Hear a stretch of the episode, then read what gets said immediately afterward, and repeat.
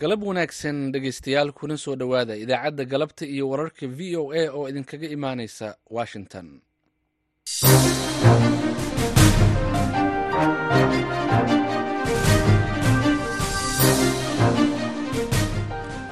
waa galabnimo jimco ah bisha febraayo ee sannadka afar iyo labaatankana waa waxaad naga dhegaysanaysaan mawjadaha gaagaaban ee iyo mitriban efemyada magaalooyinka geeska afrika qaar iyo bogga aan internetka ku leenahay ee v o a somaali com. Saacadda afrikada bari waa afartii galabnimo halka washington ay ka tahay siddeeddii subaxnimo. Idaacadda galabta iyo wararka v o a waxaa idinla socodsiinaya anigoo ah nuur xasan nuur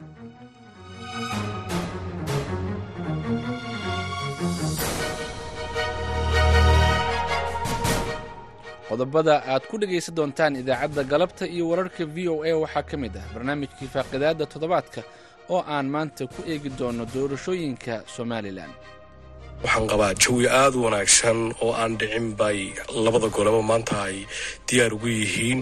Wixii dhexdooda ahaa ee brosijur ahaa iyo nuxurka xeerarka wixii ku jiray waa laga heshiiyey. Doorashooyinku haddii ay wakhtigoodii ku qabsoomi waayaan caqabado badan iyo dhibaatooyin fara badan ayaa lagala kulmaa. Siyaasadda wanaagsan waxay horseedaa dhaqaale wanaagsan oo hana qaada oo saamayn togan ku yeesha habnololeedka dadka.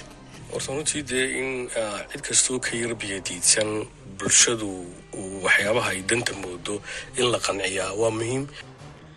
Waxaa kale oo aad maqli doontaan waraysi aan la yeelanay la taliyaha amniga qaranka ee madaxweynaha soomaaliya. Heshiiskan runtii wuxuu qayb ka ahaa heshiiskii amniga qaranka oo laba kun iyo toddobiyo tobankii bishii abriil lix iyo tobankeedii ay dowladda federaalka iyo dowlad goboleedyada ay kaga heshiinayeen amniga qaranka iyo tirada iyo noocyada ay ciidan kala yeelanayaan. Shir caalami ah oo looga hadlayo ammaanka oo maanta ka furmay magaalada munikh ee dalka jarmalka. Barnaamijkii amuuraha islaamka iyo qodobo kale ayaad dhegaysan doontaan. Marka horese ku soo dhowaada warkii dunida oo aan idin aqriyo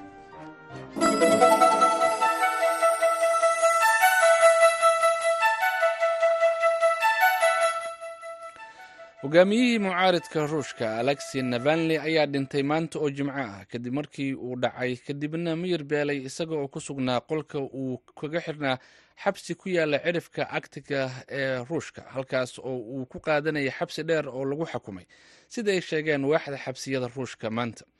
Waaxda adeega xabsiyada dowladda federaalk ruushka qeybtiisa ismaamulka adeega ee deegaanka yamalo nentes ayaa bayaan ka soo baxay lagu sheegay in navalni uu xanuun dareemay kadib markii uu ku dhex lugeeyay xabsiga kadibna uu jooga ka dhacay. Xabsiga ayuu ku dhintay ayaa lagu yiri waxaana xabsiga uu ku dhintay moscow uu u jiraa ilaa iyo kun iyo sagaal boqol oo kilomitr dhanka waqooyi bari. Navalni oo ahaa toddobiyo afartan jir ayaa ahaa siyaasiga ugu caansanaa mucaaridka madaxweynaha ruushka valadimir putin. Waxa uu soo caanbaxay muddo ka badan toban sano ka hor isaga oo hogaaminayay dhowr mudaaharaad oo looga soo horjeeday siyaasadda putin.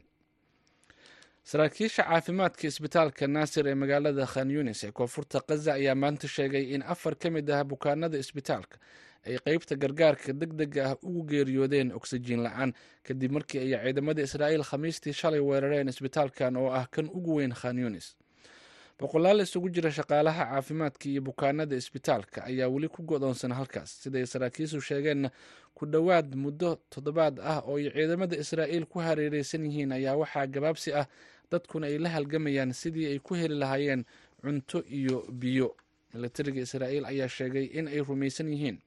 In qaar ka mid ah lahaystayaasha israa'iil ee u afduuban xamaas lagu hayo isbitaalka tan iyo khamiistii hore rasaasta ayay isbitaalku ku ridayeen ciidamada israa'iil waxaana ku dhintay hal bukaan halka lix kalena ay ku dhaawacmeen.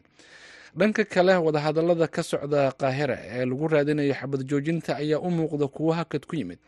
Kadib markii uu ra'iisul wasaaraha israa'iil benyamin netanyahu uu dib u riixay hindisaha maraykanka ee helitaanka dowlad ay leeyihiin falastiiniyiinta. Tani waxay timid kadib markii uu xalay khadka telefoonka kula hadlay madaxweynaha maraykanka jo biden ra'iisul wasaare netanyahu qoraal uu soo dhigay barti x ayuu netanyahu ku sheegay in israa'iil aysan aqbali doonin wax uu ku tilmaamay awaamirta caalamiga ah ee ku saabsan dejinta joogtada ah ee falastiiniyiinta.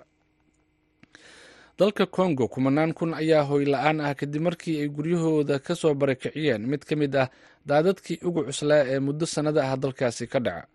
Roobab mihigaan ahaa oo kongo ka da'ay bishii disembar ayaa sababay in biyaha webiga kongo ay gaaraan halkii ugu sarreysay muddo lixdan sano ah fatahaado uu sameeyey ayaana ku kalifay ilaa iyo shan boqol oo kun oo ruux in ay barakacaan.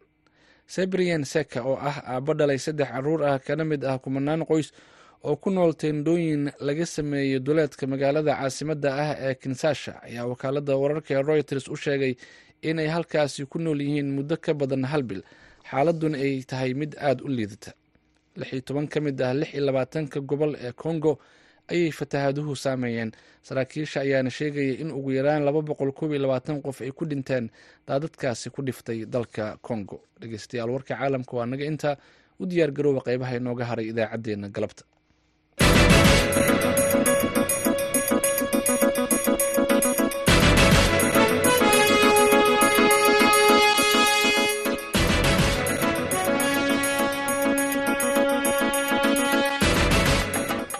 galab wanaagsan dhegeystayaal halka aad nagala socotaan waa voice of america washington. Aan ku bilownay dowladaha maraykanka iyo soomaaliya ayaa shalay kala saxiixday is-afgarad la xiriira dhismaha shan xero ciidan oo uu maraykanku u dhisayo ciidamada danab oo ay muddo sannado ah soo tababarayeen ciidamada maraykanka. Xeryahan ayaa laga dhisi doonaa magaalooyinka muqdisho kismaayo baydhabo jowhar iyo dhuusmareeb haddaba si aan faahfaahin uga helno arrintan ayaa haruun macruuf uu khadka telefoonka kula xiriiray la taliyaha amniga qaranka ee madaxweynaha soomaaliya xuseen sheekh cali oo haatan booqasho ku jooga magaaladan washington. Waa haruun heshiiskan runtii wuxuu qeyb ka ahaa heshiiskii amniga qaranka oo laba kun iyo toddobiyo tobankii bishii abril lix iyo tobankeedii ay dowladda federaalka iyo dowlad goboleedyada ay kaga heshiinayeen amniga qaranka iyo tirada iyo noocyada ay ciidan kala yeelanayaan. Ciidanka danab oo ah ciidamada special forceska ah elite special forceska ayaa aan maraykanka waxaan ka codsanay in iyagu ay noo gaarsiiyaan tiro saddex kun ah qalabkoodii iyo xeryahoodii iyo wax allaale wixii kaloo agab uga baahnaayeen in ay u dhammaystiraan sida lagu heshiiyey ciidamada qaabka loo dhisayo marka background ahaan heshiiskaas ayuu daba socdaa. Waa tiis heshiiskii amniga qaranka mar kaleeto aada loo balballaariyey. Marso laba kun iyo saddex iyo labaatankii magaalada baydhabo. Iyada waxba lagama bedelin ciidamada special forceska. Sidaas ayaa ay maraykanku hadda inay ciidamadii dhamaystirkooduna waa ku dhow yihiin saddexdii kun hadda wax yaraa ka harsan. Xeryihiina inay dhisaan sanadkan gudihiisa. Intii kale wareega atmis uusan dhicin marka maxay uga dhigan tahay dowladda federaalka soomaaliya iyo laamaha amnigaba dabcan waa waxay uga dhigan tahay sidaa ogsoon tahay december sannadkii hadda dhammaaday waxaa dowladda soomaaliya ay la timid qorshe ay ciidamada amniga dhammaantood dibudhiskeedii ay caalamka ugu soo bandhigtay. Magaalada new york oo madaxweynuhu ka soo qayb galay.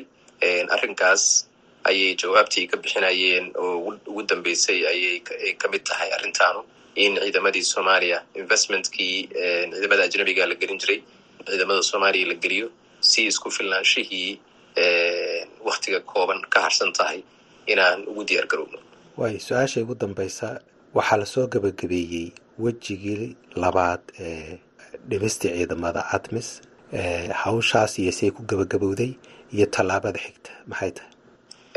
Dabcan waa wejigii labaad markii atmis la abuuray waxaa dhamaystirmay shan kun oo ciidana laba kun oo baxday june last year iyo saddex kun oo dhamaystirmay january this year.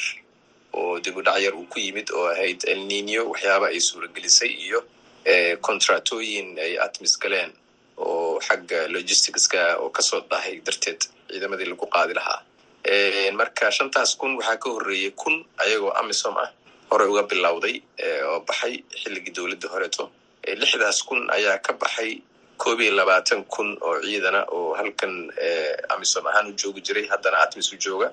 Waxaa soo haray ciidamo aan shan iyo toban kun dhamayn oo afar iyo toban kun iyo xoogaa ah ayaa hadda soo haray. Qeybta xigta oo afarta kun ahna waxay bixi doontaa bisha juun sanadkan hadduu alla yidhaahdo inta hartayna waxaa la rajaynayaa in ay baxaan december sanadkan isna. Way marka atmis sidaas bay ugu dhammaanaysaa. Maxaa xiga ma ciidamo kale oo caalamiya ayaa waddanka la keenayaa ma kuwana koofida laga bedelayaa? Si ay wax noqonayaan waa mahadsan tahay haruun waa su'aal aada u fiican. Waxaan rabay inaan bulshada soomaalida u sheego atmis horta magaceedii iyo dhammaan waa la soo gabagabaynayaa december laba kun iyo afar labaatan ayay ku egyihiin.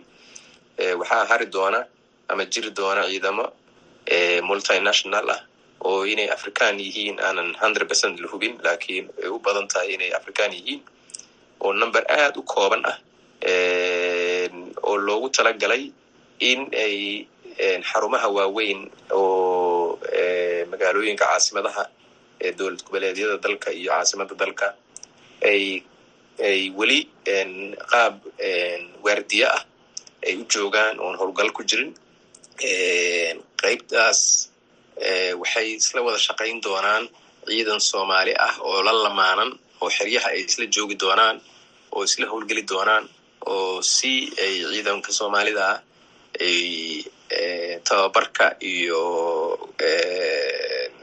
waarignimada ay leeyihiin ay wala wareegaan ciidanka soomaalidana ay hadhowti noqdaan ciidanka noqon doona waxyaabaha key infrastructureka la yiraahdo ilaalintooda. Dabcan doodan soomaaliya waxay berfergaraynaysay inay dhammaan ciidanka ay wada baxaan. Lakiin joogitaanka hay'ado fara badan oo caalamka ah iyo safaarado fara badan oo caasimadahan ka howlgala. Iyo hay'ad un ta ah oo unsos la yiraahdo oo hadda ciidamada atmis iyo ciidamada xoogga dalka soomaaliyeed taageera xagga logisticskaas siiya. Ayaa waxaa soo baxday si ay howlgalkooda logisticska ay u fuliyaan. Inay u baahan yihiin ciidan ajnebi ah oo iyaga meelaha ay logisticska u yaalaan oo u badan garoomo diyaaradeed in maaragtay ciidan ajnebi ay ilaaliyaan. Sidaas ayay dowladda soomaaliya waxay ku ogolaatay qaab kumeel gaara ciidan ajnebi ah inuu sii joogo oo ciidan soomaaliyeed lagu lamaaniyo. Ciidankaas soomaalida ku lamaanana inuu si tartartiiba markaas qaabka oo waardiyaha ah inay ugala wareegaan muddo sanad ku kooban. Tira ahaan waa imise ma la yaqaana xoogooda? Weli layskuma raacin waa qaab negotiationkeedu hadda socdo. Oo ay between waxaan ku siin karaa waa between saddex kun iyo sideed kun number ah oo aan weli la hubin sida oo qiimeyn ayaa socota oo qiimeyntaas go'aamin doonto. Waxyaabaha la ilaalinayo iyo sida loo ilaalinayo iyo waana badankood waa eraboorada ee ciidamadu soomaalida looga daabulo logisticska iyo meelaha baysaska ay ku leeyihiin hay'adaha caalamiga oo taageerooyinka aan laga maarmin ee soomaaliya u haya. Xuseen sheekh cali oo ah la taliyaha amniga qaranka ee madaxweynaha soomaaliya oo khadka telefoonka ugu waramayay wariyaha v o e da haaruun macruuf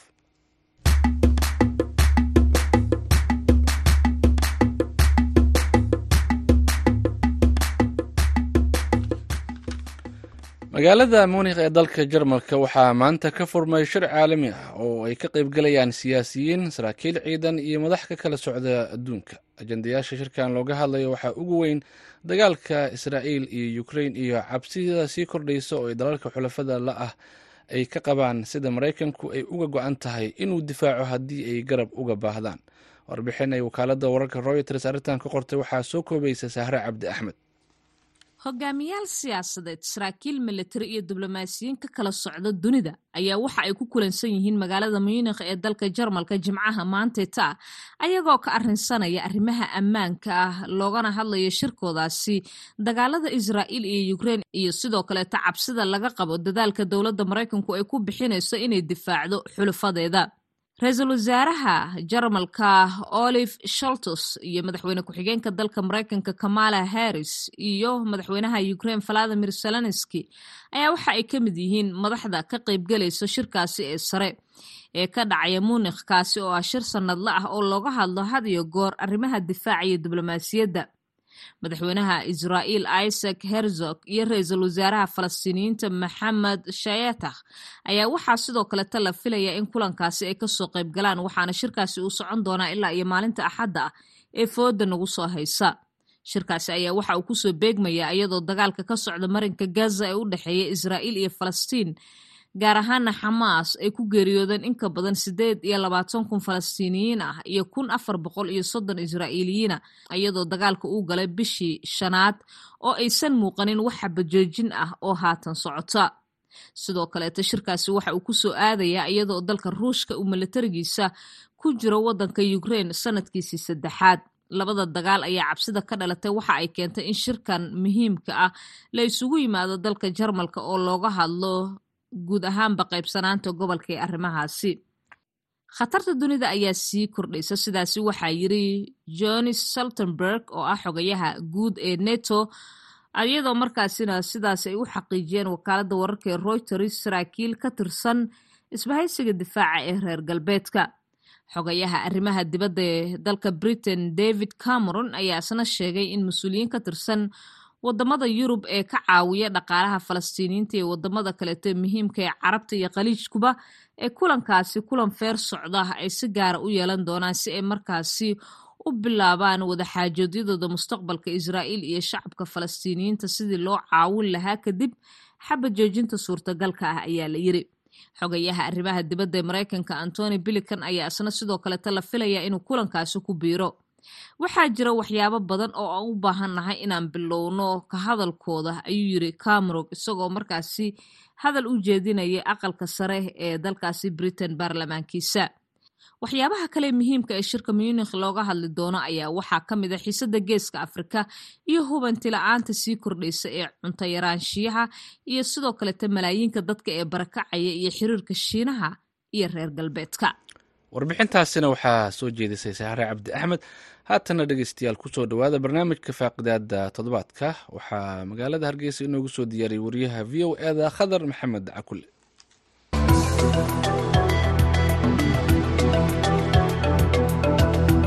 kulanti wacan oo wanaagsan dhegaystayaal dhammaantiinba. Ku soo dhowaada barnaamijka faaqidaada toddobaadka oo idinka imanaya laanta afka soomaaliga idaacadda v o a. Toddobaadkan barnaamijka waxau idinka imanayaa stuudiyaha magaalada hargeysa. Waxaannu ku soo qaadanaynaa doorashooyinka somalilan oo muddooyinkii ugu dambeeyey xeerarkoodu ay yaaleen. Golayaasha guurtida iyo wakiilada. Barnaamijka faaqidaada waxaa igala qayb qaadanaya xildhibaan axmed maxamed hure oo ka tirsan golaha wakiilada somalilan dhaqaalayahan ibraahim siciid yuusuf oo ah barasare oo ka tirsan jaamacadaha somalilan islamarkaana cilmiga dhaqaalaha ka dhiga.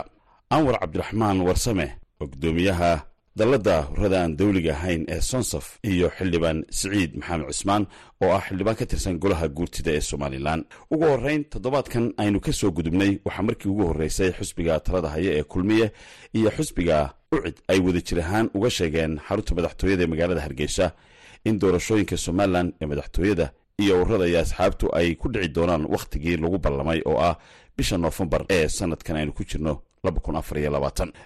haddaba aan soo dhowey ugu horreyn xildhibaan axmed maxamed hure khadar aad baan kuu salaamaya adiga iyo dhegeystayaashiina dhegeysanaya. Si aad la socoto doorashooyinku dal dimuqraadiya waa wadan oo in ikhtiyaarka iyo rabitaanka bulshadu mar walba ay soo bandhigto hogaamiyaal cusub waa daruuri. Ka golo ahaan wixii ku xidhnaa wuxuu ahaa xeerarka. Xeerarkii labada goloba way ka dhammaatay in yaroo yar jirtay in labada dhinac ay isku hayeenna waa la dhammaystiray. Waxaa la rajeynayaa wiigan soo socdaa in ay labada goloba dhaafi doonaan. Labadii xeer ee tiirka ugu muhiimsan uu ahaa inay doorasha dalka ka qabsoonto oo sida xeerka ururada iyo asxaabta iyo xeerka doorashooyinka guud maadaama dalka ay ka dhici doonaan sanadkan doorasho laba doorasho oo hal mar la wada qaban doono oo ah doorashadii ururada iyo tii madaxtooyada. Marka waxaan qabaa jawi aada u wanaagsan oo aan dhicin bay labada goleba maanta ay diyaar ugu yihiin. Wixii dhexdooda ahaa ee procedure ahaa iyo nuxurka xeerarka wixii ku jiray waa laga heshiiyey. Marka halkaasaan filayaa inay niyad wanaagsani ka muuqato oo bulshada waxay ku hari doontaa waa madaxweynaha. Madaxweyne waxaan rajeynaya isaga laftigiisu inuu doorkiisu door muhiima noqon doono oo qarankiisa laga arki doono inuu rabitaankii doorashooyinka dalka ka muujiya haddii lahadhaa waaye waad mahadsantay anwar cabdiraxmaan warsame iyadoo bulshada rayidka ay mar kasta ay si dhow ula socdaan dhaqdhaqaaqyada hore loogu sii dhowaanayo ama loogu sii diyaar garoobaya arrimaha doorashooyinka siaad u aragtaan hadalka dhowaan ay siyaasiyiintu sheegeen in doorashooyinku xilligii loogu talagalay ku qabsoomayaan waa su'aal wanaagsan khadar. Muhiimadda runtii ay doorashadu u leedahay somalilan sidaynu ka warqabno dee somalilan waxa weeyaan waxay qaadatay nidaamka dimuqraadiga iyo xisbiyada badan. Sidoo kalena dee markaa maadaama nidaamkaa la qaatay waxa weyan macnaheedu in doorashadu ay noqoto qoriisu dhiib. Sidaynu ka warqabno doorashooyinku haddii ay waktigoodii ku qabsoomi waayaan caqabado badan iyo dhibaatooyin fara badan ayaa lagala kulmaa. Haddii ay doorashadu waktigeedii ku qabsoontana baraare iyo barwaaqo iyo horumar ayaa yimaada somalilan soddonkii sana u dambeeyey saad ka warqabto dee waxaa ka dhacay intaasoo doorasho oo kala dambeeyey. Mid walibana waxa ay muxuu ahaa inkastoo dib u dhac uu ku yimanaya haddana doorashadu way dhacaysay way qabsoomaysay. Waana jeeraale ay dee magarasa somalilanna ay ku horumartay ku caanamaashay. Sidaa daraaddeed haddii ay doorashooyinku dib u dhacaan ama ay doorashooyin qabsoomi waayaan waxay saameyn toosa iyo mid dadbanba ku yeelan kartaa xasiloonidii iyo nabadgelyadii iyo deganaashihii dalka. Sidaa daraaddeed maadaama aan muxuu ahaa aynu had iyo jeer alenahay dad dimuqraadiyana waxaa muhiim ah in mar walba laga baaraandego oo laga fikiro in doorashadu ay waktigoodii ku dhacdo. Sidaa daraaddeed mar walba waxyaabaha aan anagu lafteedu as civil society aanu ka shaqeyna waxa weeyaan ama dimuqraadiyaddu ay tahay in aanu muxuuha ku ilaalino doorashooyinku inay waktigoodii ku qabsoomaan. Si loo ilaaliyo mabaadiida guud iyo xasiloonida dalka. Waa tay su'aasha markaa ugu horreysan doonaya inaan kuweydiiyo ibrahim ta way aragnimo ahaan iyo cilmiga dhaqaalaha ee aad marar badan waxaa la tilmaamaa in siyaasadda iyo dhaqaaluhu aanay kala maarmin oo ay yihiin laba shay oo isku lamaan ama isku tidcan horta muxuu yahay xiirka ka dhexeeya dhaqaalaha iyo siyaasaddu dhaqaalaha iyo siyaasadda marka laga hadlayo inta badan dhaqaalyahanadu dee markay ka hadlayaan xidhiir ka dhexeeya labadooda siyaasadda ayaa jaangoysa hadba nooca dhaqaalaha uu noqonayo. Iyo heerka horumarkiisa dhaqaalaha la gaadhsiinayo ee la rajaynayo markaa siyaasadda ayuu dhaqaaluhu raaca oo waxaa madax bannaan siyaasadda. Siyaasadda wanaagsan waxay horseedaa dhaqaalo wanaagsan oo hana qaada oo saameyn togan ku yeesha habnololeedka dadka. Halka siyaasad kasta oo guracan ama taban ay saameyn taban ku yeelato habnololeedka dadka. Markaa siyaasaddu iyadaa jaangoysa dhaqaalaha dhaqaaluhuna mar walba wuxuu ku salaysan yahay hadba siyaasadda la qaato ee lala yimaado si loogu hago qaran si u gaaro barwaaqasooran siciid adigu xildhibaan ahaan maxaa kaaga baxay hadalkaa dhowaan xukuumadda iyo xisbi xaakimka iyo xisbiga ucda mucaaridka horta anagu golo ahaan taayadaaban doonayna inaanu dhammayno xagga xukuumadda ku soo celino. Xeerarka waa laba xeer oo doorashooyinka ah oo isa saara. Markay madaxweynaha u tagaan inuu madaxweynuhu saxeexo way ballan qaadeen waxay yidhahdeen maalintii dhowt waa arrin lagu diirsado wanaagsan doorashana waa ii baxday laakiin weli ma dhame markay sabtida laga baxo labada xeer ee isasaarka ah ee doorashooyinka midna ururada yahay midna doorashooyinka guud yahay. Inay markay naga baxaan ayaan dalka rajo badan ka qabnaa inuu dalku xaalad doorasho galo. La qaadan karaa ballanqaad rasmiya oo siyaasadda arrin fiican u amaanta somalilan siyaasadda gudahana rajo fiican abuuraysa. Xildhibaan hurre adaaba soo qaaday xaggan golayaasha. Dad badan baa qabyatirka xeerarkaasi u arkaa in muddooyinka ku dambeeyay kala habsaameen oo muddo saddex toddobaad ama bil ku dhow labada gole isfahamkii dhexdooda ka dhacay ama isfaham la'aantii gudaha labada gole wakiiladii guurjida in arrintaasi ay keentay marka ay in xeerkii weli golayaashii dib ugu wareego. Iyadoo dadka qaar ay ku doodayeen in xeerkaasi uu idinkaba gudbay oo madaxweyneha la yaallo. Siaad u aragtaan taa runtii way dood jirtay bay ahayd oo dee xeerkani waa xeerar culus oo dadka danaynaya badan. Hadday ururada tahay iyo hadday asxaabta tahay iyo hadday xukuumadda tahayba markaa mar walba wax dee laysku khilaafaa. Waa imanaysay gol ahaan golaha wakiilada guddi buu xil saaray saddex iyo toban xildhibaan oo waayo hore ka soo shaqaysay golaha guurtidaa loo gudbiyey golaha guurtidaa iyadu muddo haysay oo fasaxna ka gashay markii doona bil haysatay. Horta xagga ku dahay xaggaasay ahayd. Markii dambe la soo noqday labada dhinacba way dadaaleen. Iminka hadda waxay u eg tahay uun marka doonaya in doorasho la qabto ugu yaraan afar tiir baa muhiima inay doorashada inoo asteeyaan. Waa kow in xeerarkii doorashada lagu qabanayay inoo dhamaystiran yihiin ama dhammaad ku dhow yihiin. Taasi iminka meel wanaagsan bay maraysaa. Laba in uu jiro heshiis ama is afgarad u dhexeeya asxaabta iyo ururada. Taasina waad ogtahay oo waxaa jirtay heshiis ama soo jeedin beel ka mida beelaha somalilan oo golayaasha iyo madaxweynuhu waa aqbalay. Ta saddexaad waxa weeye dhaqaalihii lagu qaban lahaa miisaaniyadan hadda gacanta lagu hayo xukuumaddu way ku soo dartay. Waxa ka dhiman waa wax yar. Waxaanu rajeynaa intaa ka dhimanna in international communitiga iyo dadka daneeya dimuqraadiyadda iyo somalilan iyaguna ay ku bixin doonaan waxa hadhayba waxa weeye uun farsamo ahaan wixii ka dhinaa oo kaararka listka iyo commissionka oo hal xubini ka dhiman tahay oo xubintii hore ka maqan tahay. In iyadana sidii looga heshiin lahaa waanay nagu rajeynaynaa inay toddobada xubnoodna wada shaqayn doonaan oo xubinta commissionkana lagu soo celiyo xaaladeedii caadigeed maadaama laga heshiiyey khilaafkii garta marka haddii markaad aad dhinaca kale isdul taagto markaad eegtid daneeyayaashaad soo qaaday qaar ka mid a ururadu ee shirar jirayd ba qabanaya toddobaadyada ugu dambeeyey. Xaggan kale isbeddelka xeerarka boqolkiiba labaatankan mararka qaarkood la soo hadal qaadayo. Maxay caqabad keeni karaan labada qodob? Horta runtii dee in cid kastoo ka yar biyadiidsan bulshadu waxyaabaha ay danta moodo in la qanciyaa waa muhiim. Iyaga laftigooduna inay dee aqlabiyadda aqbalaan way ku qurux badan tahay oo maadaama loo jihaystay waxay doonayeen waa doorasho ururay ahayd maadaama doorashadii ururada laftigeeda in same time la qabanayo inay iyaguna isku mid in iyaguna waqtigooda dee ay qaataan bay ahayd. Bulshadana ay qiimeeyaan oo ay daneeyaan dadka dee ka badan iyo daneyaasha ka badan iyagana in la qanciyo laa war dee dalka laftigiisa. Maalinba xaalad waa lagu tanaasulaya waa lasu tanaasulaa dee tanaasulkeena way ahayd. Tan kale qodobka labaad tony percentigu dadkun iyu qalad bay horta ka fahmeen. Xeerkani waa xeerkii lagu dhaqmayey ilaa labadii kun. Waxaan halkan aynu aragnay xeerkani labadii kun. Maxamed xaaji ibraan cigaal allah raxmi ayaa saxeexay boqolkiiba labaatan buu tilmaamayey boqolkaa labaatan wuxuu dhigan yahay qodob ka mida qodobada dastuurkeena oo qodobka sagaalaad faqradda saddexaadba waxay tilmaamaysaa in ururada iyo asxaabta siyaasadeed aanay ka reeban tahay inay ku dhisnaadaan gobolaysi iyo qabiilaysi. Si taa loogu gudbo waa in gobol kasta uu ka helaa boqolkiiba labaatan. Haddii taa la gaari waayo sida u kala cod badan yihiin bay imanaysay.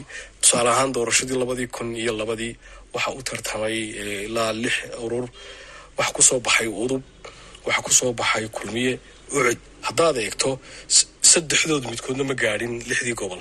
Laakiinse waxay ku kala badan yihiin ay ku kala soo baxeen waa codkii guud. Taasaana muujinaysa. Tii labaadee dambeaynu qabadanay labadii kun iyo labayo tobankii iyagana kulmiyo keliya taa gaadhay. Labada ku-xigaa may gaadhin. Markaa waxaa la qaatoon labada ku-xigaa inay codkii dheerigahan ku soo baxaan. Halkaa markaa waxaan is leeyahay waxba kuma jiraan.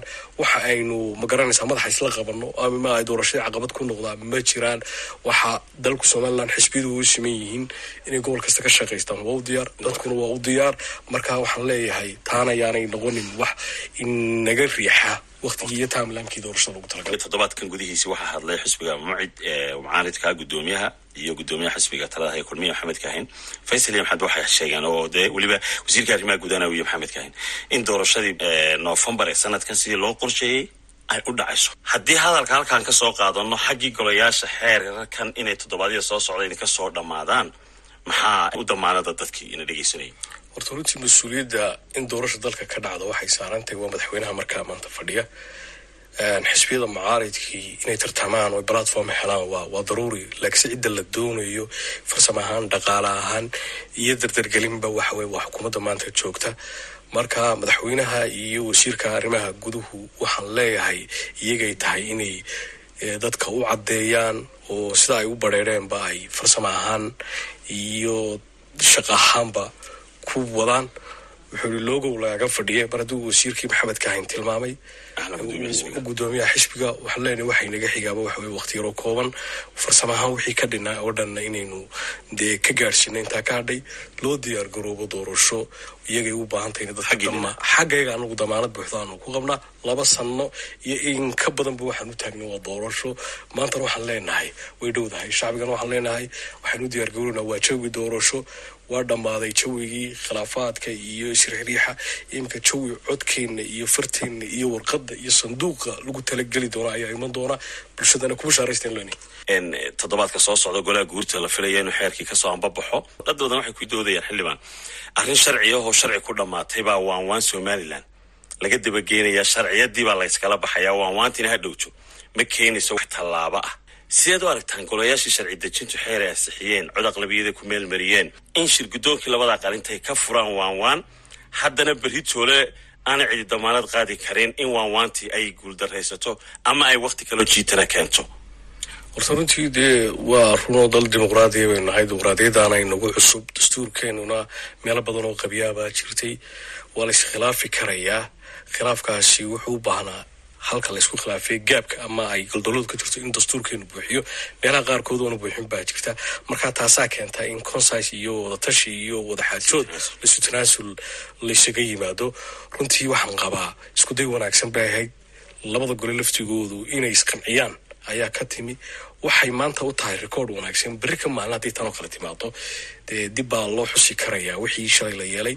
Waxa keliya ee la sameeyeyna waddadii sharciga lagama bixine sharcigii un baan dib loo waafajiyey tuhunadii ku jirayna waa laga saaray.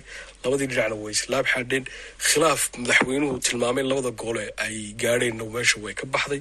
Maanta labadii gole oo gacmahays haystaa ood arkaysay sasaanta iyo isu caloolfayoobaanta labada gole ayaa lagu doonayaa in dalka maanta xeerarkii ku maraan. Marka waan rajaynayaa inaanay mar dambe tan oo kale aanay nagu dhici doonin. Mar walba xagga sharciga ayaynu u socon doonaa waa waad mahadsantay xildhibaan axmed maxamed hurre waxaan doonaya markaan inaynu eegno dhinaca bulshada rayidka ee somalilan iyo guddoomiyaha dalada sonsaf anwar cabdiraxmaan warsame. Tayo saddexdii sane ee u dambeeyey muxuu ahaa waxaa jiray muxuu ahaa ismaandhaaf siyaasi oo dhinaca doorashooyinka ku wajahnaa ismaandhaafkaasna wuxuu sababay dhowr qodob oo aan is leeyahay waxaa kow ka ahaa khalkhal amni oo waxaa jiray dee waktigaas in muxuu ahaa ay abuurmeen jabhado waxaa jiray in muxuu ahaa ay abuurmeen mudaharaadyo waxaa jiray in dad shacaba muxuu ahaa ay ku dhinteen waxaa jiray inay ku dhinteen dad boliis ahay oo ciidamada qaranka ka tirsanaa waxaa jiray in muxuu ahaa kooxo is abaabulay oo maleeshiyaadii ay buuraha galeen oo dabada. Waxyaabahaas dhami waxay ahaayeen khalkhal amni oo magaranaysa deganaashihii iyo xasiloonidii iyo nabadii dalka.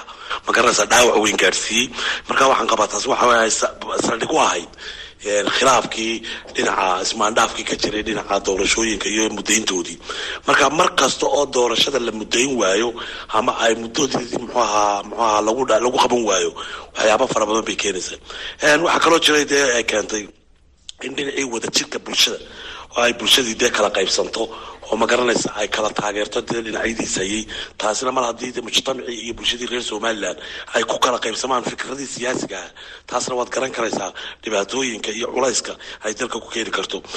Waxaa kale keentay dhaqaalihii iyo bayac mushtarkii oo uu shaki geliyey oo macnaha aan odhan karo dee dhinacii dhaqdhaqaaqii muxuaha bayac mushtarka iyo businesseski oo cid wal oo magaranaysa ganacsatadii ka mid ahaydba ay magaranaysa ay muxuaha hoos u dhigto oo ay muxuaha ay shaki galo oo ay magaranaysa dhaqdhaqaaqii iyo magaranaysa wax dhoofintii iyo soo dejintii iyo baayac mushtarkii isaga laftiisii uu khalkhal galo.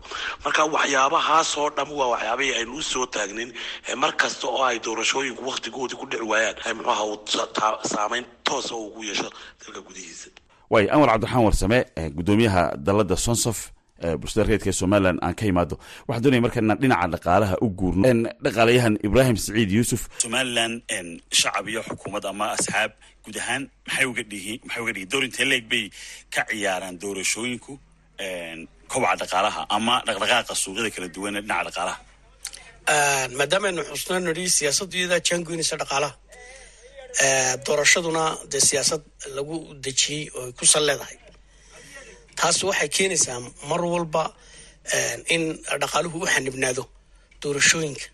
Oo haddii doorasho ay dhacdo oo dalka matalan doorasho laga qabto dal cayiman oo dee loo tartamayo kursiga u sarreeya madaxtooyada isbeddelkaasi wuxuu keenaa.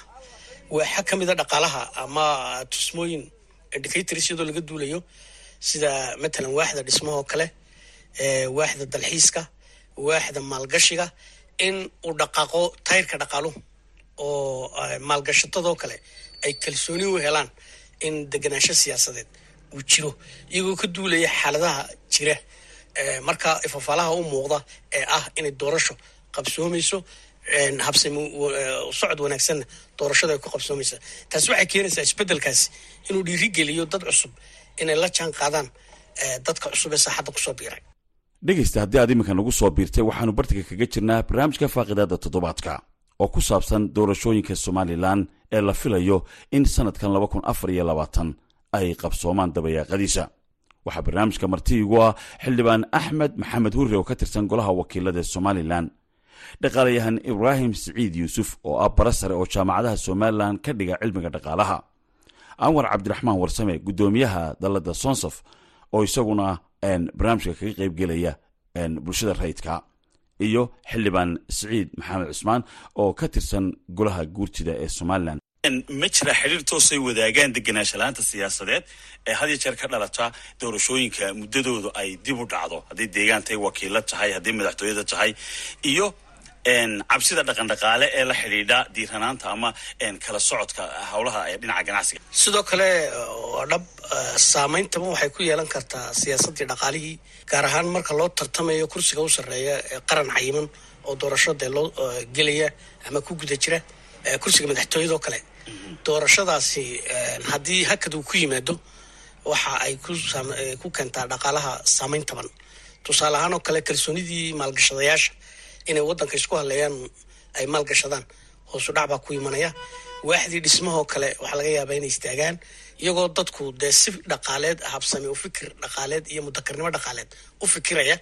Waxay ka fikirayaan in haddii lacagtoodan ay geliyaan dhisme oo ilaahay ma keeno waddan cayimanoo dee doorasho doorasho diyaar u ah dee taqalalaasa u dhaco in lacagtan kaashka ka gasha dhismaha ay adagta inay dib ugu soo noqoto dhaqaaluhuna de wuxuu wareeg ku sameeyaa ku dhaqaaqa ku socdaa waa hadba kaashka ama lacagta cad ee wareegaysa iyo hababkeeda kale ee dee loo farsamayn karo.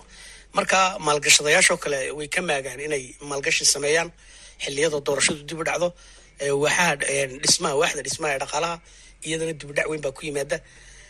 Waxaa kaloo uu saameeya habnololeedka guud ee nolosha ayuu saameyn taban ku yeeshaa iyadoo oo haddii ay dadku arkaan ifafaala ah dadka u tartamaya kursiga sare madaxtooyada deganaansho la'aan deganaansho siyaasadii deganaanshaheeda uu sadhex ku yimaado in ay dadku isku dayaan lacagahay haystaan oo kale inay lacag adag u bedelaan si ay ama dalka dibadda uga saaraan.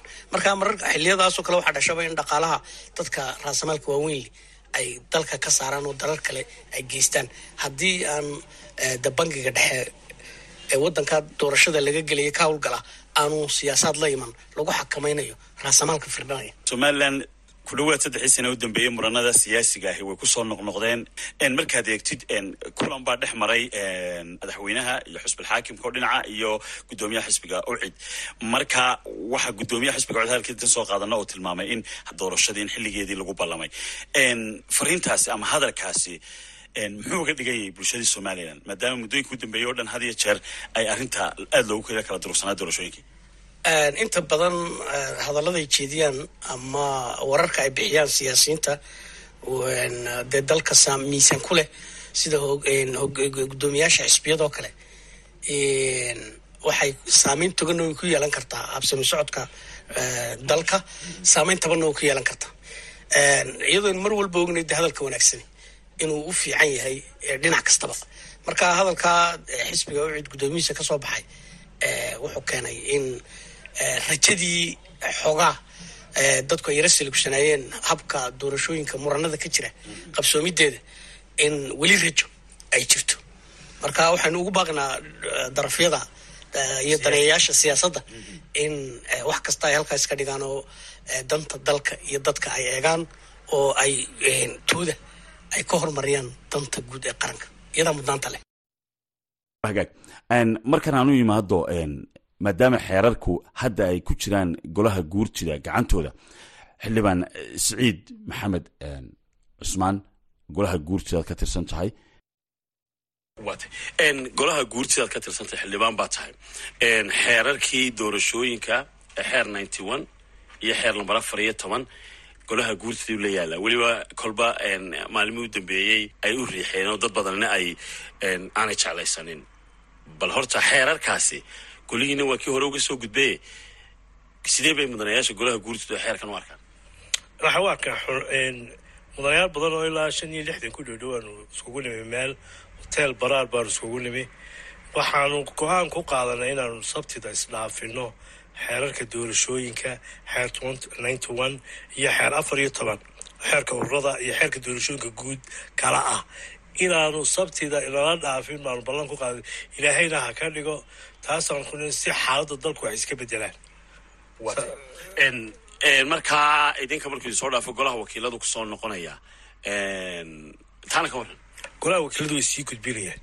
Heshiis labada golou ku baxaya waayo guddi baa loo saaray dhexdhexaadina laba jeera guddigaas way soo dhammaystay marka iminka waxayna laga sugaya inaan anagu soo baas karayno intaas kadibna madaxweynaha loo gudbiyo laba xeer oo isla ogan yihiin labada gole. Xildhibaan siciid beryahan dambe ilaa iyo bil iyo dheeraad iyo laba biloodoo horeba. Xeerarkan waxaa hayay golayaasha markaa dadka qaarkood idin naqdiyaya waxay leeyihiin mudanayaashan guurta laftigooda ayaa iyaga laftigoodii siyaasadeynaya mararka qaarkood xeerarkan oo muddadii ay haysteen ay tahay muddo dheeraad ku ah. Ay ahaydna mar horeba inuu gudbo. Bal haddaa aragtaa siad u aragtaa xildhibaan xeerkan ilaa markii roobka loo dhigay uu noo yaalay labadan xeer. Marka waa laba xeeroo dalkana mushkilad badan ku ah. Siyaasadii dalkana haysta gudaha.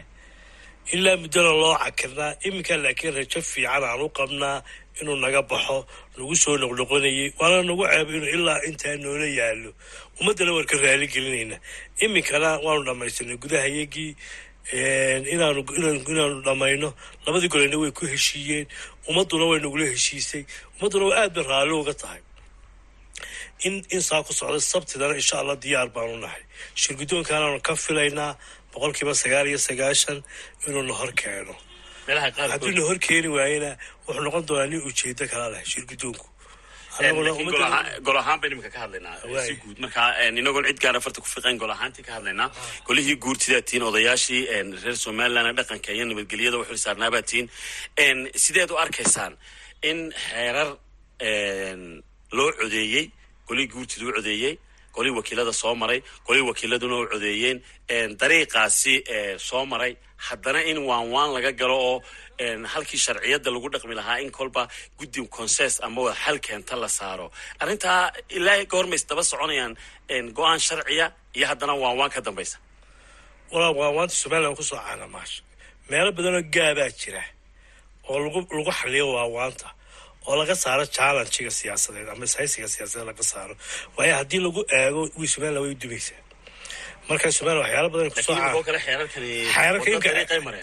way wadadii dariiqa wax jimka xeer labada gole ka dhexeeya ma jiro. Soddonkaasana waa lagu guulaysan waaye marka in waawaan wax lagu xaliyo oo midi midi ku taag arrintu noqoto waa mushkilado waxyaalaha wadamo badan ku burbureen. Marka in waawaan lagu xaqi weyn weyn noqoto nin walbana wixiisa ka dhex arko waayo hadhow marka garoonka la iskugu yimaado ayaa nin walba wuxuu haya imanaya laakiin carqaladaha kale inaan la iscarqaladayn oo waddooyinka iyo hanaanka waxa miqyaaska siyaasadda ama miqyaaska tartanka in la hagaajiyo baa loogu talagalo waayo garoonka lagu ciyaarayo waa in la hagaajiyo roogga iyo siidhwalaha iyo lakiin idinka laftiina kuwa farteeda ku fiqaya waxay leeyihiin cid gaarahoo ururo ka mid yihiin bay duduucayaanoo wax ka bedel xeerka ugu samaynayaanoo halkan kale waxaguna ururo kale oo ilaa saddex gaaraya iyagu fartayda ku soo fiiqayo ku soo fiiqayo yole wixii intan kooxdan ha loo daayo intan kooxdan ha laga jaro. Wixiiba halkii heer qaran u taagnaa danaa la dhex taasi waa aragtaan. Horta marka waxa lala raago dana badan baa soo dhex gelaya.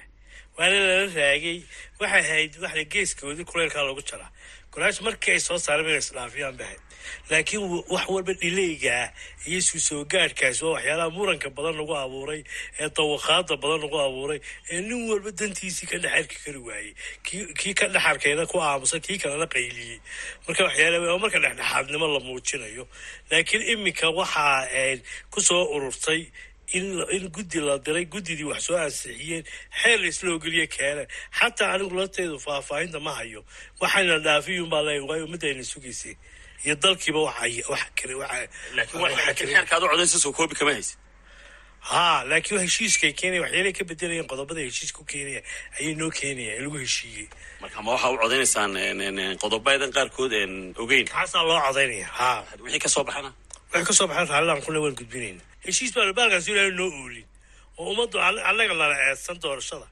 Inaan anagu doorashada carqalad ku noqon oon isdhaafino maan dooni. Anu markii hore raggii ogolaabana wax walba haluga inaynu isdhaafino waata xildhibaan saciid laakiin ururada oo kale dadka qaar waxay leeyihiin in lays dhegaysto oo cid kasta wax tabanaysaa oo laysqanciyo oo aan la odhan laysuma joojinayo baa ku fiican tahay si saaxad laysla wada ogol yahay loogu dhaqaaqo.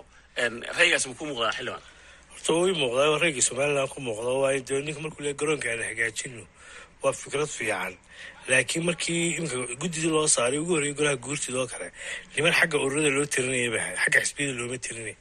Iyagii waxbay soo saareen anigu waan baaskeenay golaha wakiilada ahayd inay waxyo uga yara bedelaan xaraf iyo laba mid ahe wixii oo dhan way diideen. Laakiin raggii lahaa markii hore waa arrinta doorashada yaan xalqaladayna saa ku socoto ayay ahayd.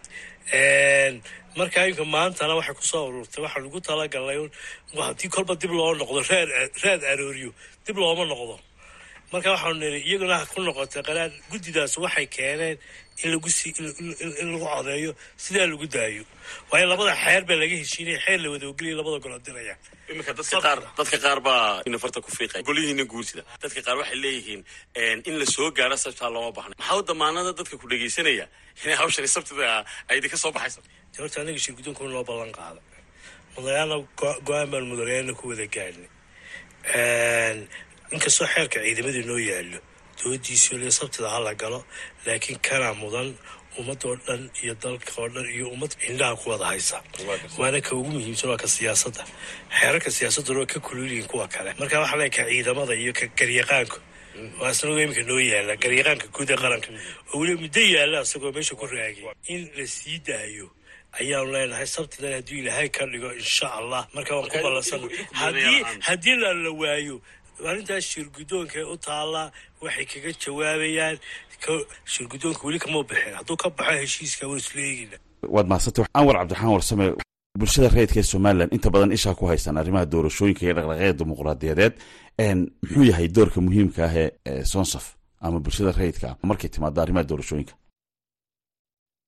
waa si wanaagsan khadar mar walba dee bulshada rayidka ahi isha ayay ku hayaan habsami socodka dimuqraadiyadda iyo doorashooyinka sidaan dhowr hore dhowr jeero horena sheegay muxuu ahaa dalada guud ee ururada bulshada rayidka ee sonsaf waxa ay muxuu ahaa door muhiima kaga jirtay xaluhelidda mushkilada doorashooyinka sonsaf iyadoo ka duulaysataa markii ay khilaafaadkani soo baxeen waxay qayb ka ahayd muxuu ahaa nidaamkii ama habsami socodkii xalka loogu raadinayay sidii laysku soo dhoweyn lahaa dhinacyadii isku hayay isku maandhaafsanaa arrimaha doorashooyinka iyo muddaynta doorashooyinka. Waxaanu qayb libaaxle ka qaadanay haddaanu nahay sonsaf in aanu talo ku biirino muxuu ahaa guddiyadii dhaqan ee isku xilqaamay xeelwehelidda ismaandhaafkaas. Waxaanu sidoo kale qayb libaaxle ka qaadanay waktigii la samaynayay xeerkan muxuu ahaa imika muxuu ahaa lagu heshiiyey ee aanu filayno in haddii ilaha yidhahdo dhowaan la muxuaha la dhammaystiro oo lagu galo doorashada inaanu talo iyo tusaale. Wixii aanu anagu ka geysan karayn inaanu ka geysanay anagoo adeegsanayna garyaqaanadii iyo sharci muxuu ahaa aqoonta dheeraadka ah u leh arrimaha dee magaranaysa sharciyadda. Marka mar kastaba anagu waanu soo dhoweyneynaa waananu garab taagannahay in la helo muxuu ahaa heshiis doorasho heshiis lagu yahay oo ay dhinacyadu isku afkartaan islamar ahaantaana muddadeedii iyo waktigeedii lagu qabto. Mar walbana waxaanu ka shaqaynayna inaanu muxuaha u taaganay waxa weeyaan in muxuu ahaa dhinacyadu ay isku afkartaan in doorashooyinka iyo waktigoodu ay noqdaan qaar muxuu ahaa cad oo waktigiisa iyo skajawalkiisa iyo mandatekeedu cad yahay. Si muxuu ahaa hore looga gudbo muranka siyaasiga ee dalka ragaadinaya.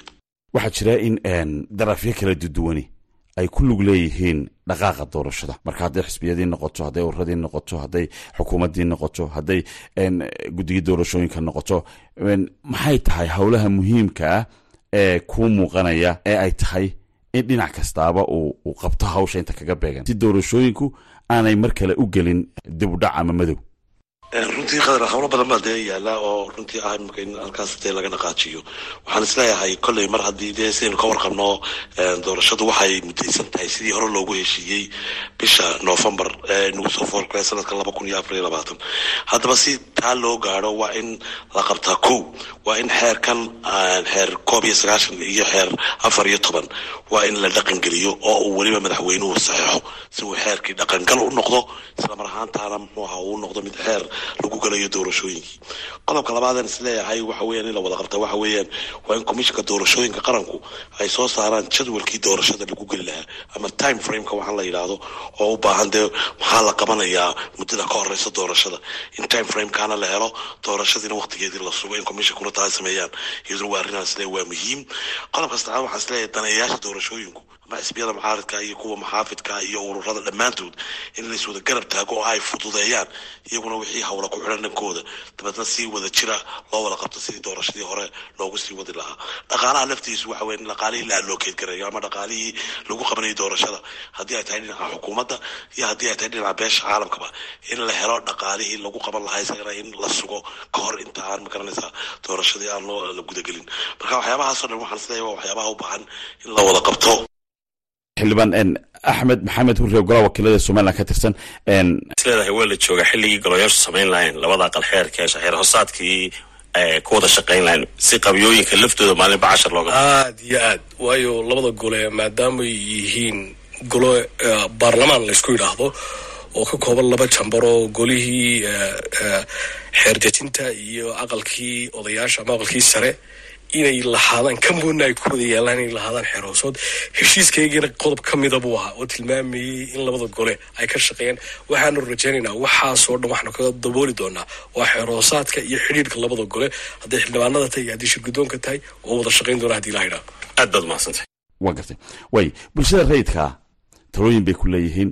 Marka maxaa kuu muuqda haddaad mid iyo laba tidhahdi talada ama ama fariinta ugu dambaysan is leeyahay waad soo jelin kartaa waxay la tahay un dee saddex qodob uma ku soo koobi laha kow waxaan is leeyahay si dalkani uu hore ugu socdo waa in wixii doorashada suldaaraynaya ama dhibaato ku keenaya in laga fogaado oo meel looga soo wada jeesto dhammaan stakeholderska iyo daneeyaashu qodobka labaadan islee waad ku talin karaysaa waxa weeyaan waxaan sidoo kale ku dhiiri gelinayaa daneeyayaasha aan weli ku qanacsanayn heshiiskan inay u tanaasulaan danta qaranka iyo wadajirka ummadda iyagoo maanka ku haya in ay muhiim tahay in dalkani uu ka gudbo marxaladahan adag ee uu ku jiro. Qodobka ugu dambeeya waxa weeyaan in bulshada somalilan ay gacmaha iswada qabsadaan oo ay si wada jira uga wada shaqeeyaan horumarka dalka iyo ilaalinta nabadgelyada.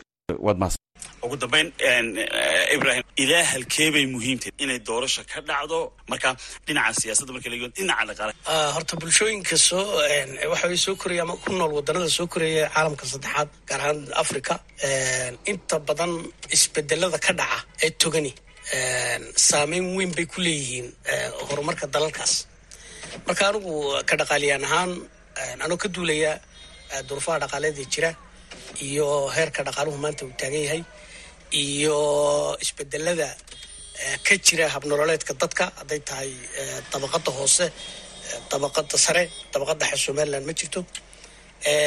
Waxa aan rajaynaya doorashada haddii ay ku heshiiyaan danwadaagta siyaasaddu in isbeddel weyn oo togan ay ku yeelan doonto. Nolosheenana waxaa jaangooya gaar ahaan habnololeedkeena dhaqan dhaqaaleed oo siyaasadda maadaama dhammaan dadka oo dhani dhammaantood ay siyaasadda daneeyaal u wada yihiin mid si toosa ugu jira mid si dadban ugu jira dhaqaalaha qoyska ilaa iyo dhaqaalaha qaranku waxa uu si mugle oo xooggan ugu tiirsan yahi hadba siyaasadda dalka ka jirta ee madaxda dalku ay qaadayaan iyo tallaabada ay tallaabada xagga horumarka ay u qaadayaan. Mar kastoo dibidhac uu ku yimaado wixii lagu heshiiyey waxay keeni kartaa in habsami socodka dhaqaaluhu uu wiqmo oo hantaaqooyin badan yimaadaan taasna ay ka dhalato saamayn taban oo habnololeedka dadka si taban u saamaysa.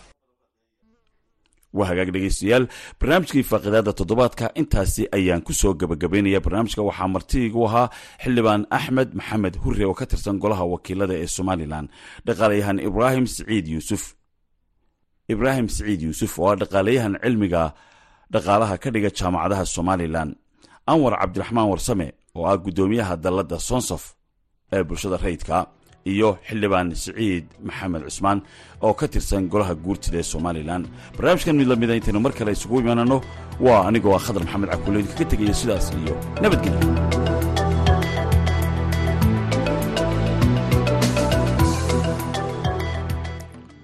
aad iyo aad ayuu u mahadsan yahay khadar maxamed cakule oo inala socodsiiyey barnaamijkii faaqidaada toddobaadka. Halka aad dhegeystayaal nagala socotaan waa v o a.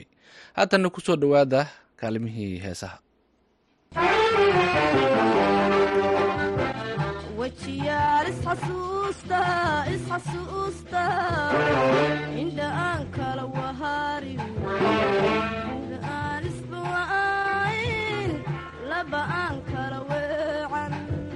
wadnayaal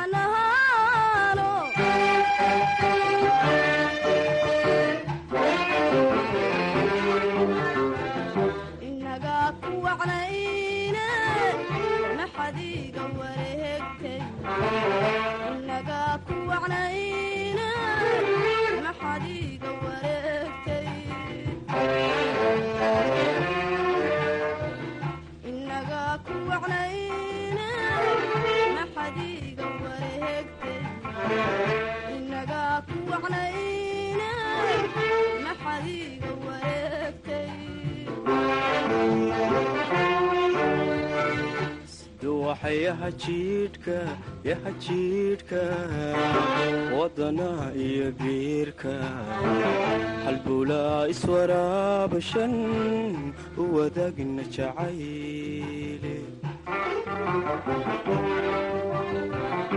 duwaxayaha jiidhka yaha jiidhka wadana iyo biirka. Halbulaa iswaraabashan u wadaagna jacayle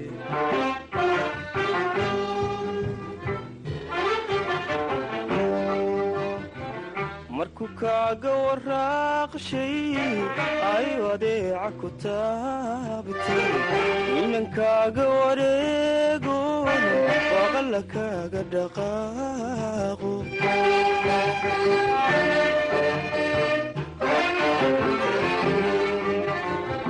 markuu kaaga waraaqshay ay adeeca ku taabtay inankaaga wareego waqalla kaaga dhaqaaqo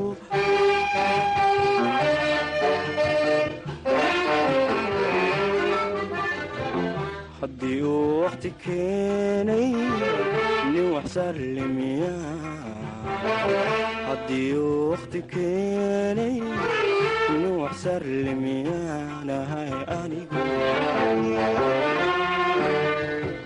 haddii uu wakhti keenay nin wax sarlimiya haddii uu wakhti keenay nin wax sarlimiyaanahay anigu